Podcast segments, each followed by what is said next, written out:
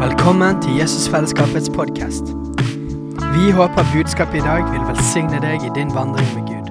Og om du vil ha mer informasjon om menigheten, kan du gå inn på jesusfellesskapet.no.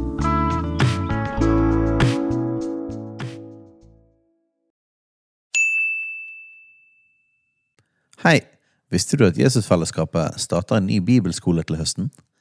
Den heter Jesusskolen og starter den 3. september. Gå inn på jesusskolen.no for mer informasjon.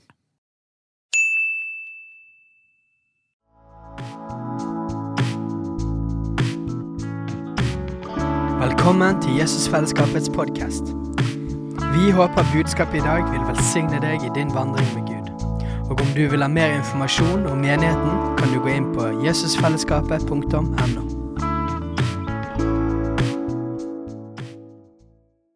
Yes. Vi skal snakke om bønn i dag. Er det noen som har fått med, med seg at vi snakker om bønn hele tiden? Ok, bra. Jeg tenkte sånn, sånn er det jo bare med, med litt sånn eh, For det første trenger man å snakke mange ganger om ting for at man skal få det med seg. Og så er det også sånn at det er jo ikke alle som er her hver gang. Så jeg tenker sånn at man trenger egentlig snakke tre uker om det samme da på en søndag for at alle skal få det med seg én gang, egentlig. Eh, og så blir det litt bonus for andre, men vi skal holde på mer enn tre uker òg. Men, men, hovedpoenget med å snakke om disse tingene er jo ikke bare å gi dere mer informasjon om bønn, men jeg har en sånn lengsel etter at faktisk Den hellige ånd skal tenne noe på innsiden av oss. Fordi at, eh, Oi, jeg kjenner meg litt sånn eh, sprekkeferdig og begeistret i dag. Og jeg har sånn utrolig lengsel, altså. At, at Gud skal, skal, vekke opp noe i oss. Fordi at vi er Vi sliter, folkens. Hvis ikke virkelig Gud får ta tak i hjertene våre, og at det livet vi har med Gud, det kommer ut ifra det. At det er kjærlighet, at det er brann. Og Hvis vi driver med menighetsarbeid, og det bare er strukturer og greier, og ting vi holder på med, og gode ideer og visjoner for framtiden Hvis ikke det virkelig er Guds rike, hvis ikke det er en brann som er tent inni oss, og drit i alt dette. Og det kan gå rett ut på podkast og hele verden. Drit i menighet og, og, og faked kristens liv hvis det ikke det virkelig er brann. For den kristendommen den finnes ikke i Bibelen. Det finnes ikke i Bibelen. Vi er blitt så sinnssykt vant med at vi liksom kan holde på med en, med en form av kristendom og menighetsliv som ikke er vekkelse. Men vi finner ikke det i Bibelen. Og, og, og hvis vi blir for vant med det, så er det, det er farlig, folkens. Det er farlig. Jesus sjøl sa det på den måten. Skal ikke si hele verset, men uh, han snakket om uh, Gi du var varm eller kald. Men fordi du er lunken, så vil jeg spy deg ut av min munn. Det var Jesus som sa. Halleluja. De gode nyhetene er at Jesus han elsker å tenne brann i oss. Uh, og han har tent en brann i meg, og jeg vet at det er mange her som brenner for Jesus. Men jeg, jeg, tror trenger, jeg, tror vi trenger, litt tennvæske på bålet. Sant? Det er noen som har prøvd å sprute tannvæske på grillen etter flammene allerede er der. Vi trenger det, folkens. Vi trenger det. Det er så viktig at vi ikke stivner i en eller annen greie. Det er så viktig. Fordi at, eh, fordi at eh, Kristendom uten virkelig brann av Den hellige ånd, det er religion. Religion er dødt. Det dreper. Så Jesus, jeg ber om at at du kommer nå, at der det er brann Jesus, så ber jeg at du skal sprute sånn tannvæske på i dag. Og der det ikke er brann, og det bare ulmer, så ber jeg at du skal blåse på, Herre, med din ånd. Og der det ikke er brann i det hele tatt, så ber jeg at du skal vekke oss opp fra de døde. Men Jesus, jeg ber, la oss ikke holde på med dette her, bare få holde på med det. Kunne vi vært ute i det fine været i stedet? Jesus, kom og vekk oss, Herre. Vekk oss ved din ånd, og vekk oss ved ditt ord i dag.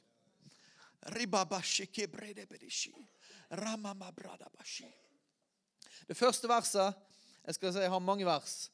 Eh, og Guds ord skal få skape det det sier i dag i oss. ok? God jord i hjertet. Amen. Matteus, kapittel 13, vers 44.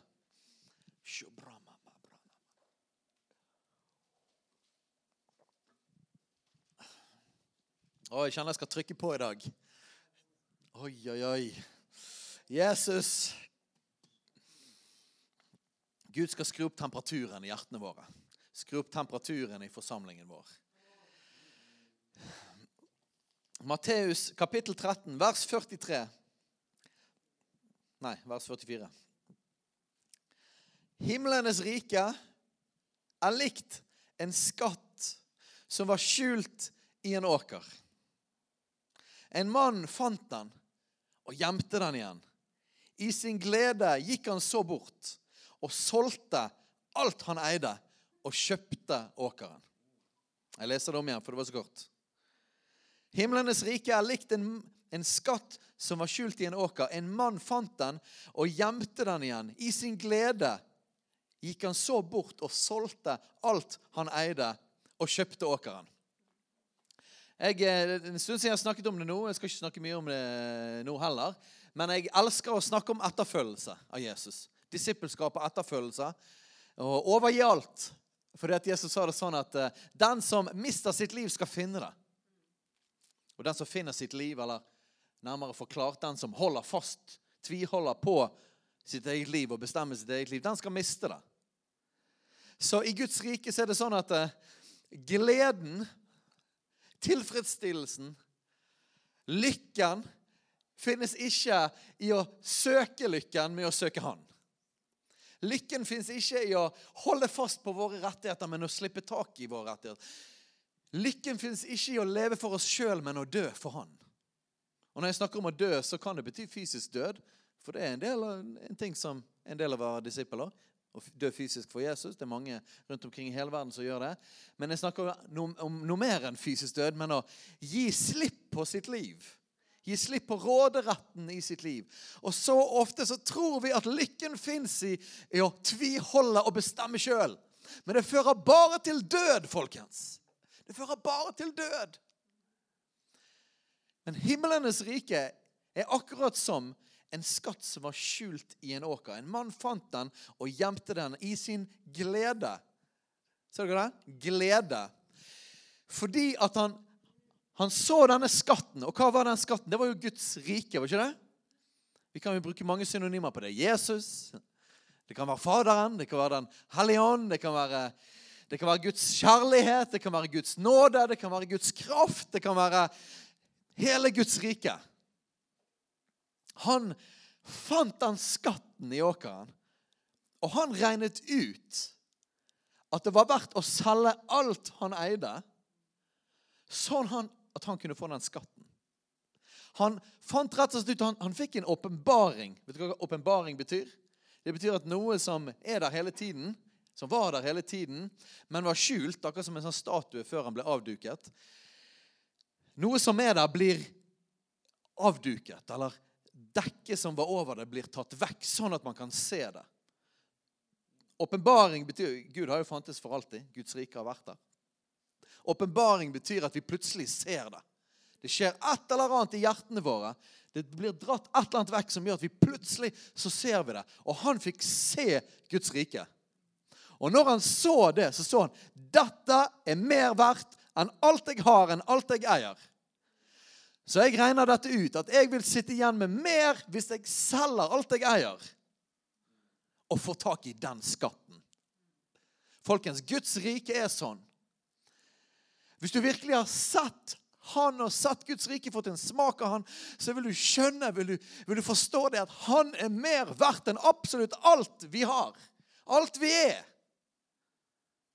Paulus sa det på den måten. Han lagde en lang liste. Han lagde ofte lister av ting. Han sa ofte alle tingene han i seg sjøl hadde oppnådd.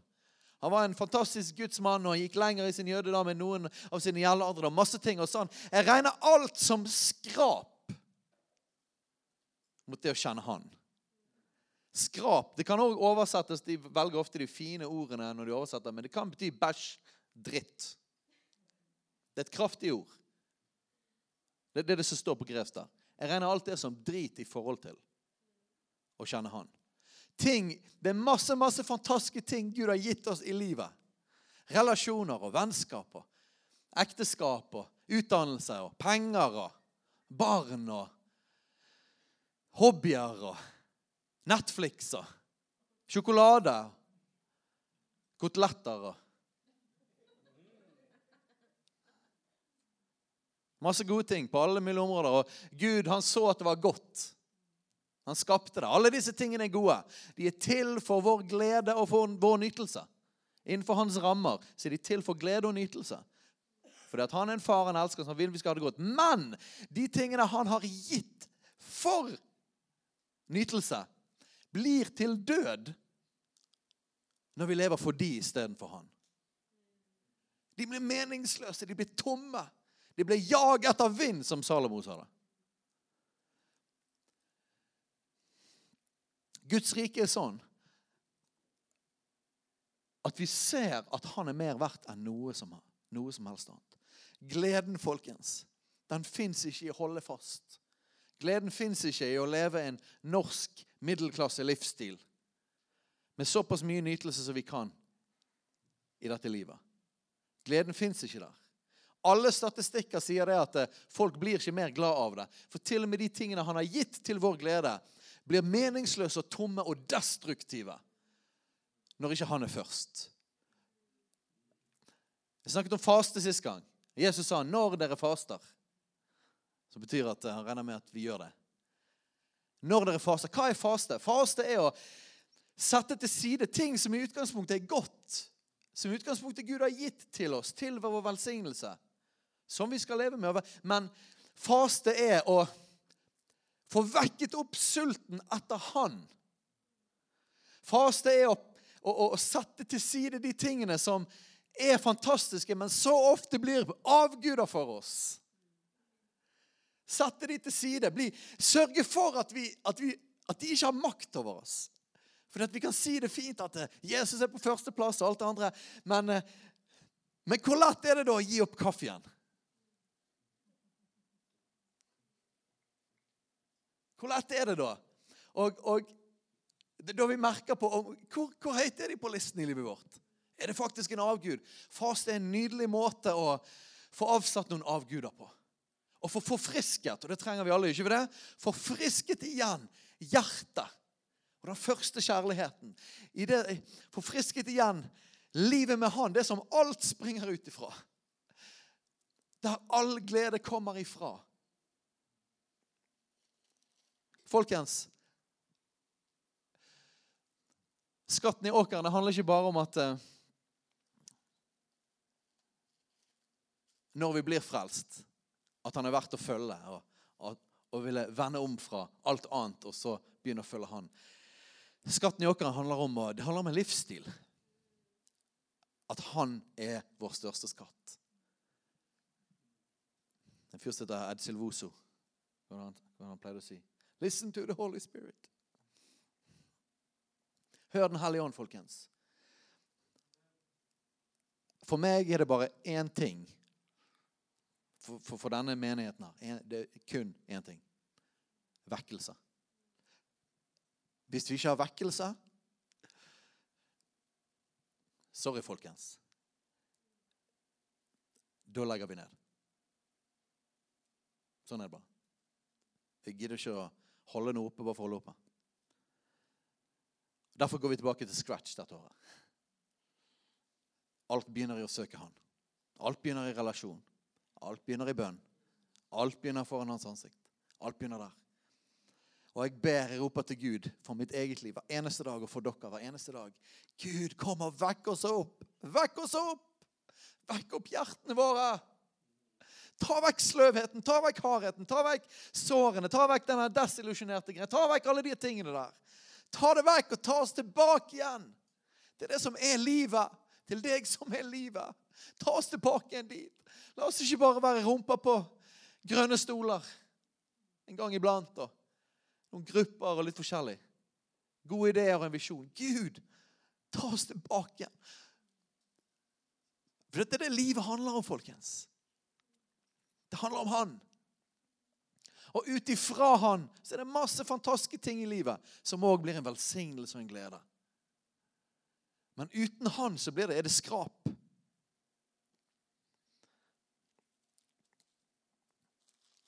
Matteus 6, vers 33.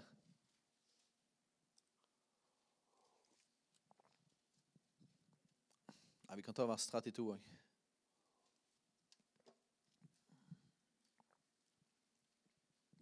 Jesus har jo snakket her om å ikke være bekymret for alle mulige ting. Praktiske ting, fysiske ting, klær og mat og alle sånne ting. Så. Og så slutter han med dette, da. For alt slikt søker hedningene etter. Men deres himmelske far vet at dere trenger alt dette. Alt slikt søker hedningene etter. Å leve for alle de andre tingene er grunnleggende sett hedenskap. Det er avgudsdyrkelse og hedenskap. All hedenskap handler om å leve for å tilbe alle disse tingene. All avgudsdyrkelse gjennom hele historien i alle kulturer handler om akkurat det samme. Man tilber eh, fruktbarhetsguder, man tilber eh, noen for eh, jordbruk, og noen for fiske, og noen for alt mulig. Guder som man ofret til og levde for, for at man skulle bli velsignet på de områdene. For at man skulle ha det godt. Det er hedenskap. Og I dag så ja, Jo da, jeg føler meg i fin form til å slenge litt ut ting i dag. Så jeg besøkte et sånt tempel her i Bergen eh, nå i juletider. Lagunen heter det. Jeg husker jeg kom, kom inn der etter ny lagun. Og nok en gang, det går fint. Vi, vi, vi er sånn, Paulus sa at vi kan spise offerkjøtt og sånne ting som var ofret til avguder og demoner. Og sånne ting. Og, og eh, det funker for oss så lenge vi lever med Jesus som Herre. Ok? Men det er et avgudstempel. Det er det. Det er ikke bare butikk. Det er en eh, feiring av sentrum av vår sivilisasjon. Det er en feiring av hva vi lever for. Ikke det? Det er en feiring av nytelse. Shopping er liksom den moderne tempeltjenesten. Er ikke det? Det fins flere andre avgudstempler for forskjellige andre typer ting, men det er en av de. Halleluja. Ikke vær redd for lagunen, men bare vit at det er det. Vi kan gå inn i avgudstempler, og vi er fri. Overalt der vi kommer, kommer Guds rike. ikke det? Med mindre du faktisk er under de avgudene. Halleluja. For alt slikt søker hedningen etter. Og Her handler det jo ikke om at det er feil å shoppe klær. Her handler det om å leve for det. Og man merker hvor mye man lever for det i forhold til hvor lett det er å gi slipp på det. Derfor er faste veldig fint. Jeg gleder meg til 1. april skal vi begynne med faste. Og jeg håper så mange som mulig blir med på det. Kan vi faste for alt mulig.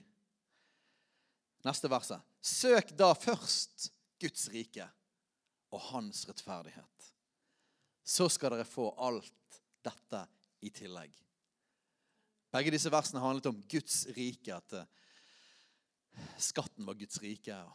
At uh, Søk først Guds rike. Men, men, hva er sentrum av Guds rike, da? Det er jo Gud sjøl, ikke det? Så det betyr ikke bare søk liksom randsonen av Guds rike, søk åndens frukter, søk tegn og under, eller søk de tingene. Nei, søk Han først. For at han er kongen i sitt rike. Hans rike betyr der, der hans herredømme er. Søk først Guds rike betyr søk han først. Søk han. Søk han først. Så kan alle de andre tingene komme i tillegg. Israelsfolket gikk gjennom en sånn opp og ned-ting som dere helt sikkert har lest om. Og De gikk i en sånn syklus som vi mennesker har veldig tendens til å gå inn i. Det begynte med at Gud velsignet de.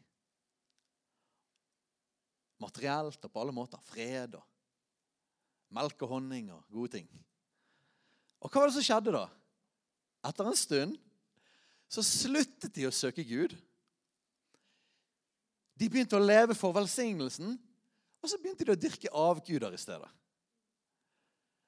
Og hva skjedde så? Velsignelsen forsvant. Så begynte krig og elendighet. Og så begynte de å rope til Gud. Gud, hjelp oss! Og så sendte Gud hjelp på mange forskjellige måter. Reiste opp folk og sånne ting. Så slo de fiendene. Eh, utfordret folket til å vende om. F.eks. på Karmelfjellet. Husker dere det? En av de historiene, men det er mange sånne, der eh, Elia konfronterte Balsprofetene og konfronterte og utfordret folket Ikke vakle til begge sider. Ikke både følge Bal og, og Herren. Og etter ild hadde kommet eh, og fortærte offeret, så kastet folket seg ned og tilba Gud. Gjorde ikke det? Og så ble det vekkelse i landet. Og så begynte folk å søke han og begynte å leve for han. Og Reiv de ned avgudsbildene. Og så kom Guds velsignelse over dem. Og så gikk det litt tid, og så begynte de å tilby velsignelsen igjen. Og så begynte de å tilbe avguder. Og så gikk de inn i den greien igjen og igjen og igjen. og igjen. Vet dere det at Norge, kongeriket Norge er det landet i verden som i forhold til folketallet har sendt ut flest misjonærer? Visste dere det? Visste dere det at Norges befolkning var, var kjent som, var preget av Guds, frykt? Guds frykt, bønn, misjon, Bibel. Vet dere det at Norges befolkning som for ikke lenge siden var ganske fattige. Bønder og fiskere. Norges befolkning var noen av de som ga mest til misjon. Stefan Kristiansen sa det på den måten. Han fant et gammelt misjonsblad fra 70-tallet. tror jeg det var. Og så ble han sjokkert når han så på sånn her giverseddel. sånn her Bli fast giver-greie. Vet du hva han ble sjokkert over? Summene som sto der, var nøyaktig like de som står i dag Problemet er bare det at siden den gang har inflasjonen gjort at vi kan gange de summene med ti. Så typisk sånn herre Har du lyst til å gi 5000 kroner, 8000 kroner eller 10 000 kroner i måneden? Dette er fakta. Vet du hva som ødela det? Vet du hva som gjorde det at vi begynte å gi mindre til misjon? Og sende mindre misjonærer? At vi blir rike. ikke det en nydelig ironi? Oljen er en velsignelse fra Gud. Det er jeg overbevist om. Og landet har forvaltet den oljen godt. Men vi har gått inn i akkurat samme fellen som israelsfolket. Er ikke det? Jeg tror det skal være mulig litt bare der, å leve med favør og velsignelse og faktisk leve for Jesus. Men det krever mer. Nød og elendighet det, det tvinger deg på valg. Og det gjør det faktisk lettere å velge Jesus når du har ingenting, og når det er tøft. Men velsignelse det krever mer av hjertet. Fristelsen er større, muligheten er større. Så mye lettere å leve for avguder. Halleluja, folkens. Og ikke tro at dette ikke har preget oss, meg og deg. Dette har preget Guds menighet de luxe, folkens. Ikke bare på givertjeneste, det gjør det òg. Etter hvert som Guds menighet har blitt rikere i Norge, har givertjenesten stupt. Misjonærene har blitt færre. Mindre penger til misjon. Mindre folk som kommer på møter, mindre folk som involverer seg i menighet. Og vi har basically mistet en hel generasjon. Min foreldregenerasjon forsvant ut av menigheten. Og så er det hytte og båt og god jobb og de tingene vi lever for. Utdannelse. ikke det? Og dere vet det. dere dere skjønner meg, Det er ikke noe poeng å misforstå dette. Ingenting av de tingene er negativt i seg sjøl. Det, det, er faktisk det motsatte. Det er Guds velsignelse, og det er gode ting. Problemet er at fristelsen er så sinnssykt stor å begynne å leve for disse tingene og gjøre dem til avguder. Husker dere israelsfolket når, når, når, de ble tatt ut av Egypt? Husker dere når de, når de ble sendt ut der? Faraoen sa til hvert bare gå og stikk med dere. Nå er det nok. Han tatt av de siste tingene som skjedde så, så kom Guds ånd med en sånn favør som gjorde det at egypterne de ga gull. De bare kastet liksom gull og smykker og sånne ting etter dem. Hva var det for noe? Det var Guds velsignelse. var ikke det? For de hadde vært slaver. De hadde ingenting. Og plutselig kom det favør, og de fikk gull. Amen? Og hva skjedde noen år seinere? De lagde en gullkalv. Hva gull var det de lagde den av, tror dere? Av det gullet de fikk. Av Guds velsignelse.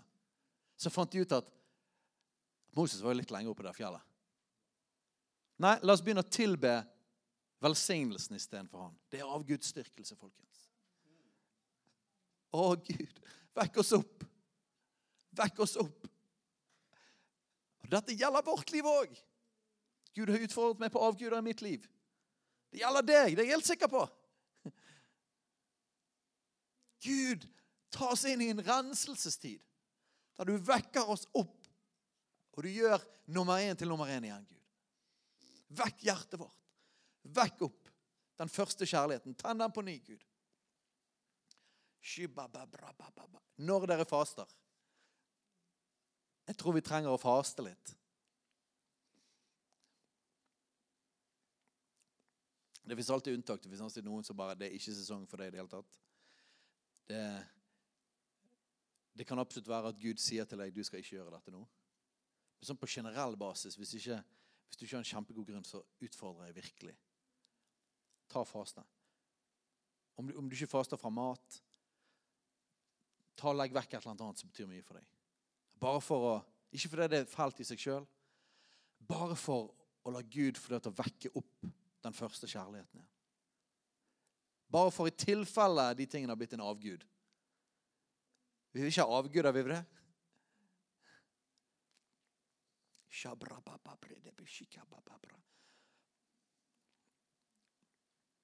Vi må bare be litt før vi fortsetter. Jesus, jeg ber om en av vekkelse. Vekk opp ditt folk. Fordi at hvis vi skal hvis vi faktisk skal gjøre en forskjell i verden, hvis vi skal bringe ditt rike til alle deler av samfunnet, hvis vi skal være med og høste inn mennesker i Bergen som gjør at, at ikke 95% går fortapt Hvis vi skal være med og gjøre en forskjell i Europa her Alle disse tingene det er, bare, det er bare slitsomt, og det er bare meningsløse ord. og det er bare, det er bare luft, Gud, hvis ikke det kommer ut ifra at du har vekket vårt hjerte. For det er ingenting vi får til individuelt eller som menighet. Hvis ikke det kommer ut for at du har vekket oss. Hvis det ikke kommer ut av kjærlighet til deg, hvis det ikke kommer ut av din ånd. Så jeg ber at du kommer her, at du vekker oss i vårt personlige liv, her. Mandag, tirsdag, onsdag, torsdag, fredag, lørdag, søndag. At du jobber med hjertene våre. Og Gud, jeg ber om at du skal avsløre avguder hos oss. Jeg ber at du skal rense tempelet. Og vi er ditt tempel, Herre. Jeg er en bit av tempelet. Rens meg. Rens tempelet. Jesus, Det var ikke masse du ble sint for, men du ble sint når tempelet ble gjort til en røverhule. Du ble sint når det som skulle være et bønnens hus, ble et handelssted. Du har kalt oss, din menighet, til å være et bønnens hus. Vi er tempelet, Herre. La oss være et bønnens hus før vi gjør alle andre ting. Gjør oss til et bønnens hus, her. Gjør oss til et bønnens hus. Gjør dette her. Lær oss å be. Lær oss å be. Og vekk dette ved din ånd på innsiden av oss. her. Jeg må bare si det. Jeg sa det, snakket om det sist gang, men drivkraft når det gjelder ting i Guds rike, er så alfa og omega. Eh, alle disse tingene er bare gjort i disiplin eller fordi at, uh, fordi at bare jeg sier det, eller et eller annet sånt. Hvis det ikke kommer var Guds ånd på innsiden av deg, så blir det òg død. Men jeg vet at Gud har puttet en brann på innsiden av meg, og en av måtene å være med at han tenner opp, er det at eh, jeg forkynner det ut, og Guds ånd skaper det. For at Den hellige ånd bor inni deg. Han sier ja, amen. Han vil. Han har en lengsel etter mer. Og dra deg lenger inn. Men vi trenger noen ganger å få flekket litt vekk ting fra hjertet vårt, fra vår ånd. Slipp han ut. OK. Jeg skal bare rese gjennom noen eh, bønne, bønnevers.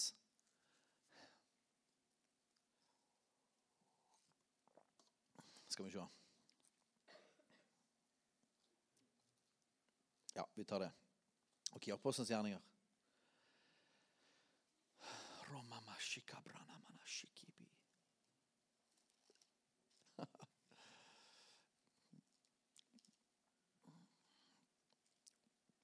Kraften i bønn og utholdende bønn.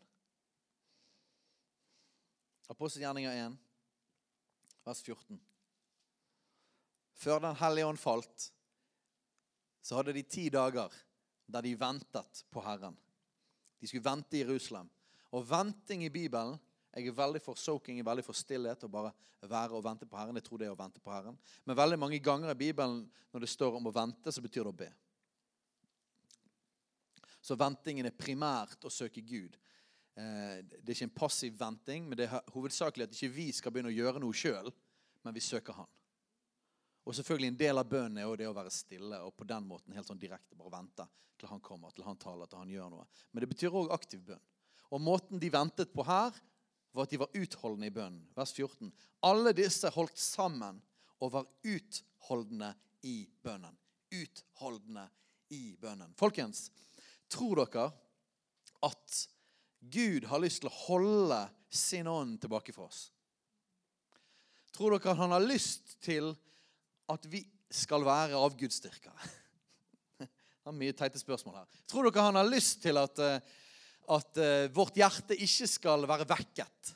Tror dere det? Tror dere han, har, tror dere at han ønsker at vi ikke skal være drevet av kjærlighet? Teite spørsmål. Nei, Vi vet jo det. Vi vet hva som er Guds vilje. Så hva er det med utholdende bønn? Jeg kan ikke ta hele teologien på bønn akkurat nå. Men kort og godt kan jeg si det sånn. Når Gud ber oss om å være utholdende i bønn, så er det ikke fordi han, han holder tilbake. Men fordi at det fins en kamp her på jorden. Det er ikke Gud som Nei, jeg vil holde tilbake for at du får erfare min kjærlighet. Det er jo helt latterlig. Han vil jo det mer enn noen andre. Det er jo han som ber oss om å be. Det er jo han som vil det. Det er jo han som tenner opp disse tingene. Det er han som tenner opp lengsel. Men konsekvensene av de tingene som jeg ber om for tiden, og jeg tror flere av dere ber om, at Gud virkelig skal falle på oss med sin ånd Vet dere hva konsekvensen av det er? Det er farlige ting for djevelen. Det er farlig. Vet dere hva som har skjedd i historien når en helligånd har falt på en gjeng med folk? Det betyr ulykke for djevelens rike. Det er det det betyr. Tror dere det er Gud som vil holde sin ånd tilbake? Nei, Gud er den som vekker opp lengsel og vil ha oss til å be. Men kampen i bønn handler om at djevelen prøver å holde igjen. Han gjør det. Og hver eneste gang Jesus underviser om bønn, så snakker han om utholdenhet. Hver eneste gang. Pågåenhet og utholdenhet. Så hvorfor, hvis det er djevelen som holder igjen, hvorfor driver ikke vi bare og går til krig mot djevelen da, istedenfor å be til Gud? Nei, Jeg tror forklaringen på den er veldig enkel. Det vi ser på, det tar fokuset vårt. Sånn at selv om grunnen til at vi ber og vi er utholdende i bønn, er, er det at djevelen holder igjen noe. Vi ber om et gjennombrudd på noe djevelen vil prøve å hindre. Men hvis vi ser på han hele tiden og bare befaler han hele tiden, så blir vi oppslukt av djevelen. Han blir større for oss. Så Gud har laget systemet på den måten at i stedet for å fokusere på djevelen, så skal vi fokusere på han. Og når vi fokuserer på han, så går våre bønner opp der, og så går det bomber og granater ned på djevelen. Han tar seg av krigen, vi ber til han. Det holder oss i tett relasjon med han. Det holder vårt fokus rett. Men make no mistake, ikke misforstå. Vi ber ikke til Gud utholdende fordi at han vil holde tilbake. Vi ber til Gud fordi at vi skal ha fokus på han. Men det er djevelen som prøver å holde tilbake. Når vi ber til han, så bombarderer han djevelens festningsverk. Så utholdende bønn er fordi at det er noe som hindrer. Hvorfor i all verden skulle Jesus si Be, la ditt rike komme i himmelen så på jorden. Hvis alt Gud ville gjøre, skjedde automatisk. Det skjer ikke automatisk. Tror du det er bare fordi han vil plage oss med å be? Holder han igjen? Sitter han på tronen litt sånn her bakpå, litt skeptisk og venter på at vi har bedt nok, og så gjør han det? Nei, det er jo Gud. Han sitter på kanten av tronen, og han sier, 'Folk, be, be, be, be.' Be meg at jeg skal gi dere. Han sitter der, han gir lengsel, han gir sult. Han gir utholdenhet i bønnen, ikke det? Fordi han vet at når, når vi ber, så kan han angripe djevelen på våre vegne. Og Det er det som skjer. Derfor er det utholdenhet i bønn er viktig. Men vi har ikke blikket vårt på djevelen. Og Bill Johnson sier det sånn For en gang iblant så skal vi ta og konfrontere noen demoner. Eh, men det er sjelden. Det er veldig liten prosent av tiden vi bruker i bønn. En gang iblant. Og Bill Johnson sier det på en fantastisk måte. Jeg ser bare på djevelen lenge nok til å sikte og skyte. Og så har det blikket tilbake på Jesus. Det holder oss friske, det holder oss sunne. Men vi ber utholdende fordi at det fins en motstander. Gud vil utøse sin ånd over oss.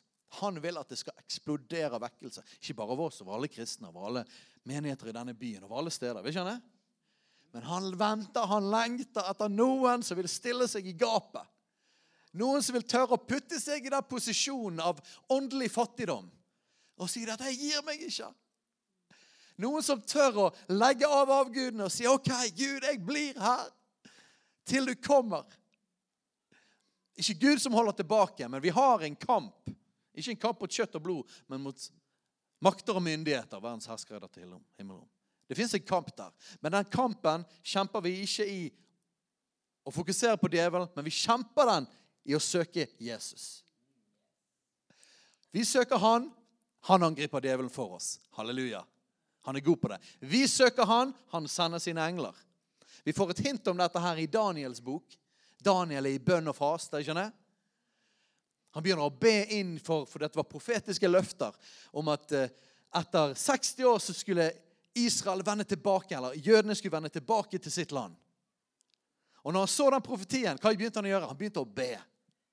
Han begynte å søke Gud, han begynte å bekjenne folkets synd. Han begynte Gud, la det skje. Hvorfor ba han?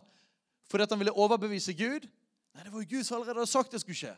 Det var Guds vilje. Og så får vi et lite hint. Det står seinere om at Gabriel kom til han med et budskap. Og så sier Gabriel dette. Du, fra første stund du vendte ditt ansikt til å søke Gud, så ble jeg sendt. Men fyrsten over Persia sto meg imot. Persia var jo der de var.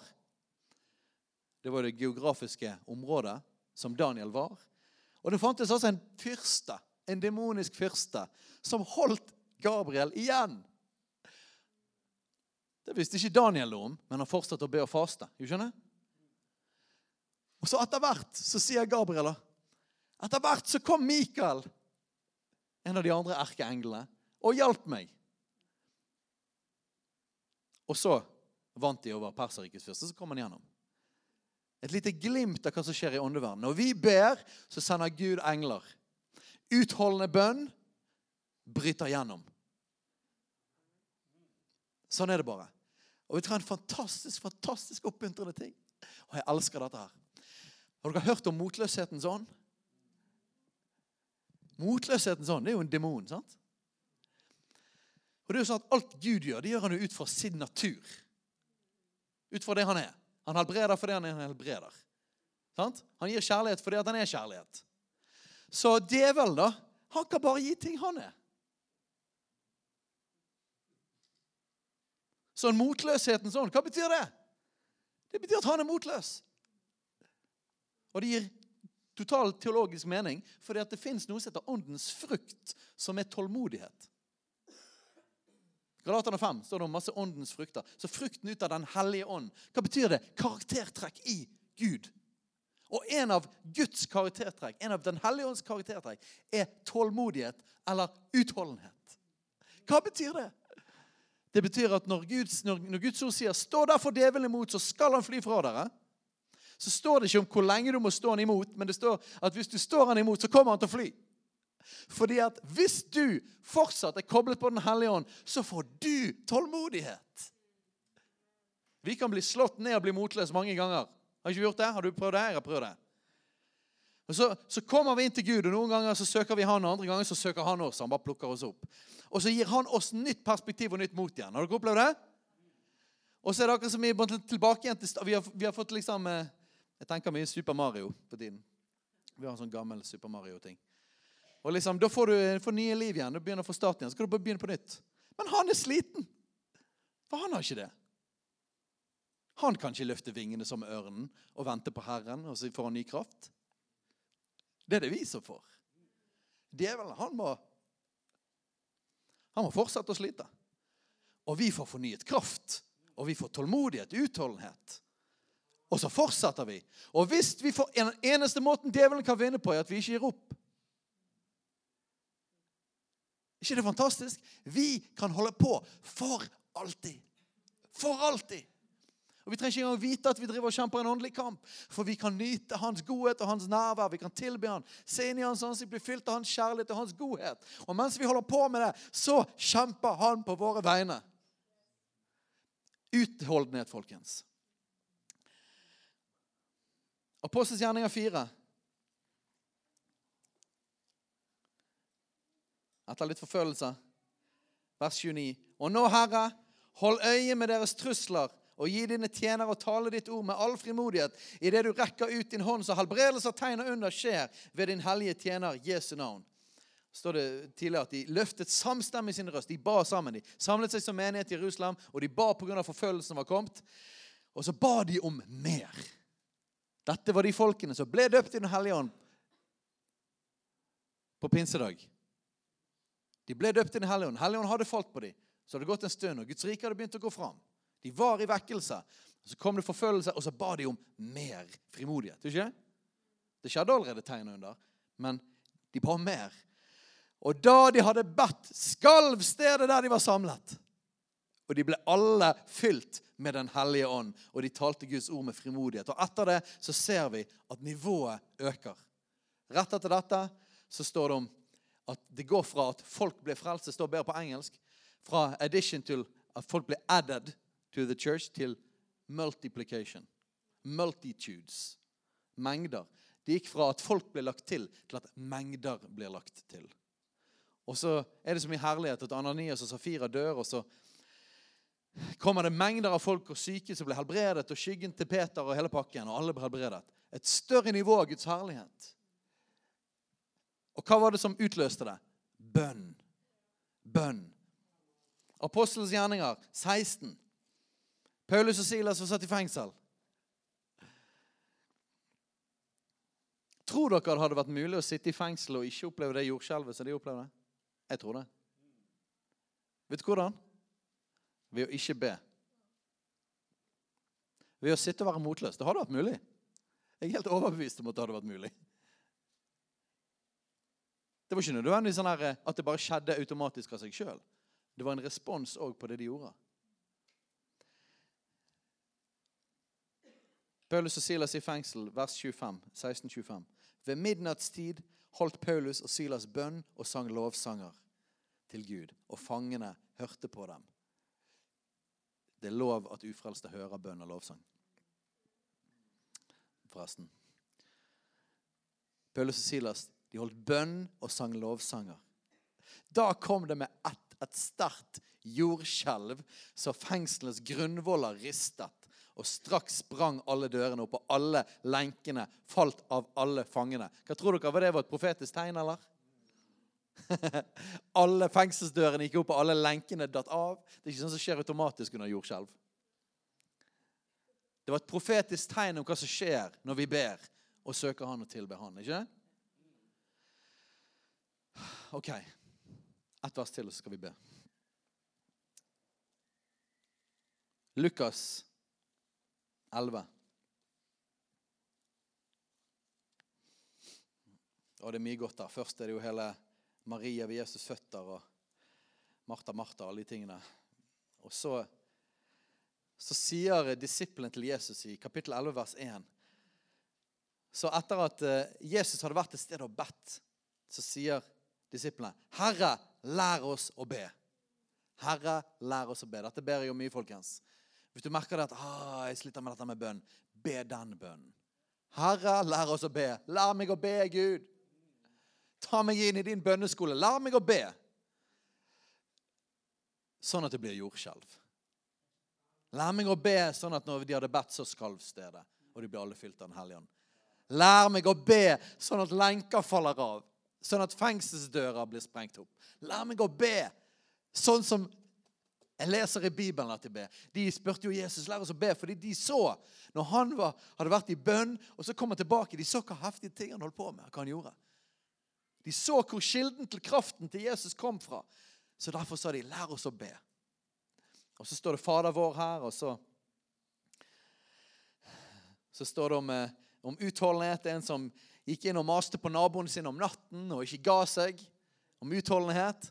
Men ikke de tingene jeg skal ta nå. Jeg skal bare ta akkurat denne her. Og dere som har gått på veien, har hørt meg snakke om det. Og dette er veldig, veldig, veldig bra bønneundervisning. Lukas 11, vers 9. Og jeg sier dere, be, så skal dere få. Let, så skal dere finne. Bank på, så skal det lukkes opp for dere. For hver den som ber, han får. Og hver den som leter, han finner. Og hver den som banker på, for ham skal det bli lukket opp. For hvem av dere som er far, vil gi sin sønn en stein når han ber om et brød, eller når han ber om en fisk, gi han en orm i stedet for fisken, eller når han ber om et egg, gi han en skorpion. Hvis dere da dere som er onde, vet å gi deres barn gode gaver, hvor meget mer skal da den himmelske Far gi hva? Den hellige ånd til den som ber han. Og Det står mer generelt i Matteus, men her i Lukas så står det 'gi Den hellige ånd til den som ber han'. Så betyr at det er et veldig veldig spesifikt løfte om at han skal sende sin ånd. Var ikke det vi leste om i, i, i, med jordskjelvet? Begge de to gangene. Var ikke det det som skjedde når, når de apostelgjerninger 1 var utholdende i bønnen? Det var Den hellige ånd som kom. Den hellige ånd er svaret. Den hellige ånd er svaret på bønn. Den hellige ånds kraft. For i det vi, da, får vi, da får vi alt sammen. Den hellige ånd er svaret på, for Guds rike er i Den hellige ånd. Så når, når, vi skal be om at 'la ditt rike komme på jorden som i himmelen', så er svaret det er Den hellige ånd som blir sendt. Han blir utøst mer. Det er grunnen til at vi pusher på i forhold til bønn dette året, er for at vi vil ha mer av Den hellige ånd. Og her er et løfte. Hvis vi som er onde, vet å gi deres barn gode gaver, hvor meget mer skal da den himmelske Far gi Den hellige ånd til den som ber om? Og her er det aller siste poenget. For det at første årene, de mange mange årene jeg leste disse versene, så var jeg irritert over dem. For jeg likte de bønneløftene som sa generelt om at det er kraft i bønn. Men jeg likte ikke dette, for det var så simpelt. Og basically, jeg trodde ikke på det. For det står 'Be, så skal du få'. Og i verset etter 'Hver den som ber, han får'. Og mitt tankesett var 'Jeg har bedt, og jeg har opplevd å ikke få'. Noen som opplevde det? Det er noen som har bedt en bønn, og så fikk du ikke svar. Det tror jeg gjelder oss alle. ikke det? Sant? Både seriøse ting, store ting, mindre ting. sant? trivielle ting som Gud, det ba jo jeg. Jeg husker jeg ba om at eh, jeg skulle rekke bussen. Jeg rakk ikke bussen. Så jeg tror ikke på dette.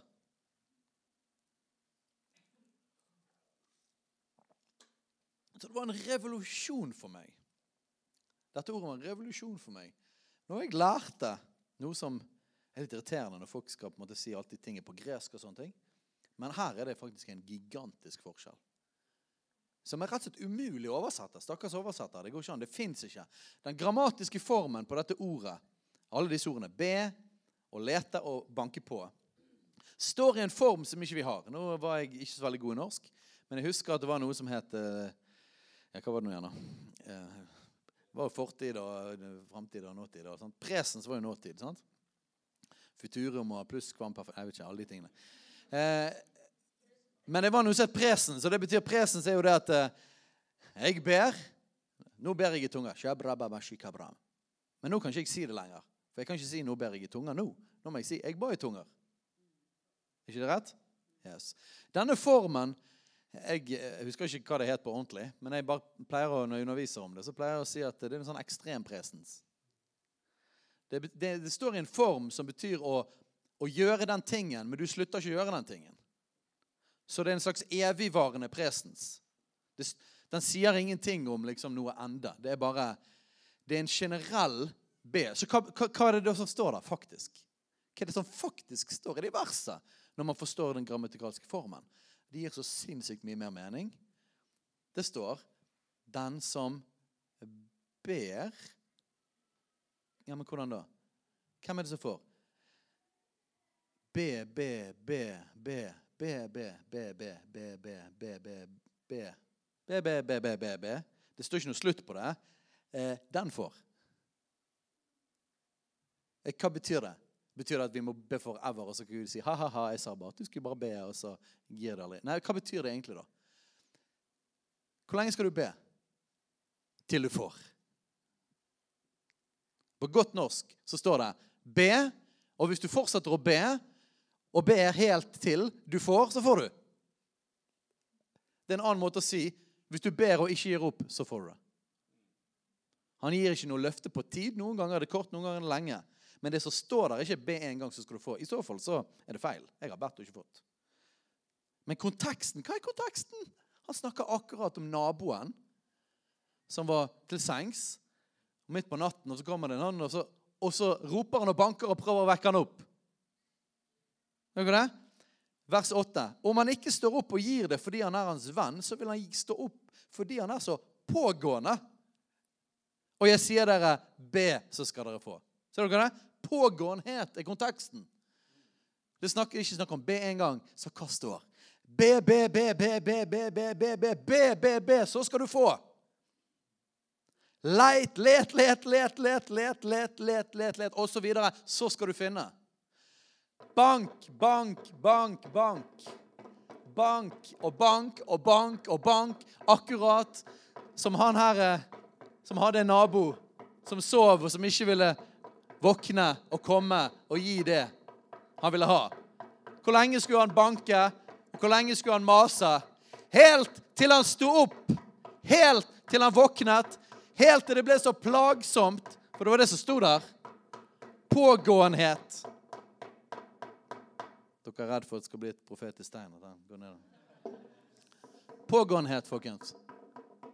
Det er det som står der. Be til du får. Hvor lenge skal du banke på? Hvor lenge skal du ringe på? Til det blir lukket opp! Hvordan kan vi det? Ved Guds ånd som gir utholdenhet, ved Guds ånd som gir tålmodighet. Ved å ikke bli fylt av motløshetens ånd, ved å ha blikket på Han istedenfor djevelen og problemet. På den måten så kan vi få all utholdenhet. Ved å strekke ut vingene som ørnen, så får vi ny kraft igjen. På den måten så kan vi be, og da kan Han si, stå derfor djevelen imot, så skal han fly fra dere. Vi vinner hvis vi fortsetter. Han leter etter noen som er villig til å fortsette, er villig til å banke på. All Jesus' sin bønneundervisning er pågåenhet og utholdenhet. Så vi bør iallfall ta det ene poenget av det Jesus poengterte i forhold til bønn. Pågåenhet. Bank på til det blir lukket opp. Den som Så hva betyr det seinere, da? For den som ber, ber, ber, ber, ber, den får. Og den som leter og leter, og leter, den finner. Og den som banker og banker og banker helt til det blir lukket opp, han blir det lukket opp for. Og Det høres ut som et sånn selvsagt løfte. Og Det er ikke bare sånn lure, lureløfte. bare, ha-ha-ha, jeg sier ikke hvor lenge dere må gjøre det. Nei, det har sin kontekst i at det er en åndelig kamp. Det er det som er konteksten. Ikke at Gud er uvillig til å gi, men at det fins en åndelig kamp der som vi engasjerer oss i når vi ber. For han vil at hans rike skal komme. Han lengter jo etter det mer enn noen andre. Men han, at, han leter etter noen som vil stå i gapet og stå der. Og ikke gi seg helt til det bryter gjennom. Den bønnen trenger vi å lære. Den bønnen trenger vi å lære. Og den bønnen er vanskelig for oss i vår kultur fordi at vi er så velsignet vi har hatt det så godt. Derfor er koreanerne bedre til å be. Derfor er afrikanerne bedre til å be. Derfor er de bedre i u-land. Fordi at de er vant med utholdenhet. Men vi er ikke vant med det. Og det er Guds velsignelse og godhet. Jeg er glad for at vi vokste opp i et godt land. Men det gjør at akkurat dette er tøft for oss. Utholdenhet er tøft for oss. Smerte er tøft for oss. Er ikke det? Vi blir lett motløse. Vi blir, gir lett opp. Fordi vi er vant med å få ting så instant. Vi er vant med å ikke måtte fighte for det. Men det er ikke Gud som holder tilbake. Han inviterer oss inn i et liv, i en verden, i et samarbeid som er fantastisk. For vi skal ikke ha blikket vårt på alt det som ikke skjer, eller på djevelen eller det at det ikke bryter igjennom. Vi skal ha blikket vårt på Han. I vår bønn så skal vi bli fylt av hans godhet og kjærlighet og fred og, og være i hans nærvær. Og så samarbeider vi med han i bønn. Vi ber ut det han legger på hjertene våre. Og når vi ikke vet hva vi skal be, så ber vi i ånden. Og det som skjer da er at vi, vi, ber, og det skjer ting. og Kuler og granater og engler blir sendt på djevelen. Mens vi, vi blir oppbygget og fylt av Den hellige ånd. Lenker faller av, fanger, dører springer opp. Men det eneste de opplevde, var det at de ble fylt av Den hellige ånd, når Guds rike kom, og de ble fri. Men det skjedde mer enn noe for de. Paulus og Silas, altså. OK, la oss reises opp.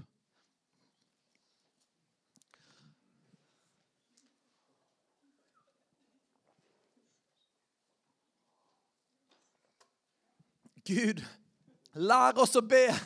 Lær oss å be. Ikke i strev, Herre. Ikke i egen kraft, Herre. men først og fremst fordi at du er skatten i åkeren.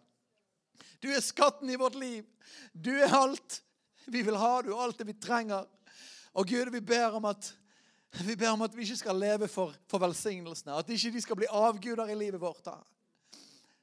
Vekk hjertet vårt og vekk kjærligheten i oss, Herre. Vekk det i oss, Herre. Men jeg ber òg om en ånd av omvendelse og renselse over oss, Gud.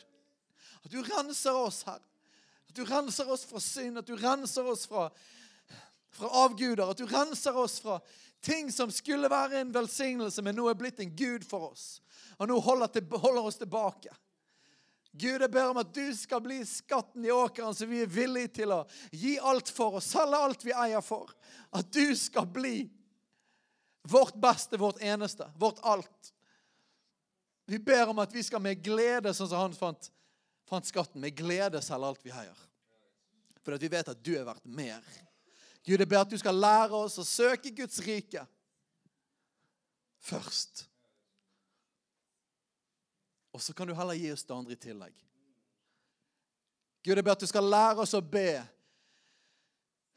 sånn som de 120 som ba utholdende. I Apostelgjerninga 1. Jeg bør skal lære oss om å be sånn som Guds menighet, sånn som menighet i Russland i kapittel 4. Som når de hadde bedt, så skalv stedet. Du skal lære oss å be sånn som de ba. At de ba samstemme. De løftet samstemmig sin røst. At vi ber i en akkord. At det, at det er det samme ånd og det samme hjerte, den samme drivkraft, samme lengsel. Jeg ber at du skal lære oss å tilby å be sånn som Paulus og Silas i fengselet. Lær oss å be sånn at når de hadde bedt, så skalv stedet. Lær oss å be sånn at det kom et jordskjelv som gjorde at fengselscellene åpnet seg opp. Gjennombrudd, frihet. Lær oss å be sånn som du lærte disiplene dine å be. Lær oss å be pågående her. Lær oss hva det vil si at når vi banker og banker og banker, og banker, så kommer det til å bli lukket opp for oss. Du skaper tro ved ditt ord. Troen kommer av forkynnelsen. Jeg ber deg at disse ordene skal skape tro i oss. Skap tro i oss. Skap tro i oss, Hellige Ånd, ved ditt ord. Og jeg ber om at tro på deg og tro på bønn skal reises opp i oss her. Jeg ber om en bønnevekkelse dette året. Ta tak i hjertene våre på en sånn måte at vi ikke kan annet enn å søke deg og vi har et langt liv der vi kan nyte masse ting. Men jeg ber om at dette året skal være spesielt for å sette deg først og sette andre ting til side. En tid der du kan få nå inn i hjertene våre. At du kan vekke oss på nytt. Og at du tenner den første kjærlighet. For ingenting annet som jeg tror du har sagt vi skal gjøre i menigheten, vil funke uten dette. Ingenting annet. Det er ikke noe poeng å prøve å gå videre på noe som helst. Det er ikke noe poeng om vi har 1000 stykker vi har 5000 stykker. Det er ingen mening. Hvis ikke du lærer oss dette, ja, da gidder ikke holde på, Gud. Hvis vi bare har folk, hvis vi bare har en stor menighet hvis vi bare, Men det er ikke det virkelige ditt rike som har brutt gjennom. Herre, det vil ikke ha. Gi oss originalen eller ingenting. Lær oss å be, Gud. Lær oss å be som afrikanerne. Lær oss å be som koreanerne. Lær oss å be, Gud. Vekk vårt hjerte. Jeg ber nå, erklærer Jesu navn. Bare profeterer over dere. I Jesu Kristi navn. Flere av dere kommer til å våkne opp om natten i bønnenød. Jeg erklærer, jeg profeterer det over dere. At dere, noe kommer til å skje når dere er i lovsangen. Plutselig er det et eller annet, det er bare sånn lengsel etter, etter at Guds rike som gjør at du bare blir satt i gang og be. Jeg erklærer over dere at bønn i ånden og tungetallet skal vekkes opp i Jesu Kristi navn. Jeg erklærer i Jesu navn at Gud skal tale til dere personlig. Og hvis det er avguder som avsettes. Jeg erklærer Jesu navn at våre hjerter kommer til å bli vekket dette året. At du kommer til å lære oss å be. Og at du gjør, Herre, det som vi ikke får til gjennom oss. For jeg tror ikke noen av oss bare har lyst til å være en gjeng i et rom. Vi har lyst til å være med og gjøre en forskjell, Herre. Men lær oss å elske deg først. I Jesu navn. Amen.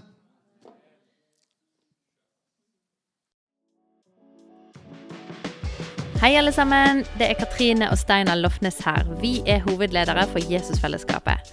Så kjekt du har lyttet til denne podkasten. Har du forresten hørt noen av de andre podkastene våre? Ukens tale, Disippelskolen, Hyrdepodden, Kulturkrigen og Mammas hjerte. Du finner disse podkastene på Spotify, Apple Podkaster og på nettsiden vår jesusfellesskapet.no.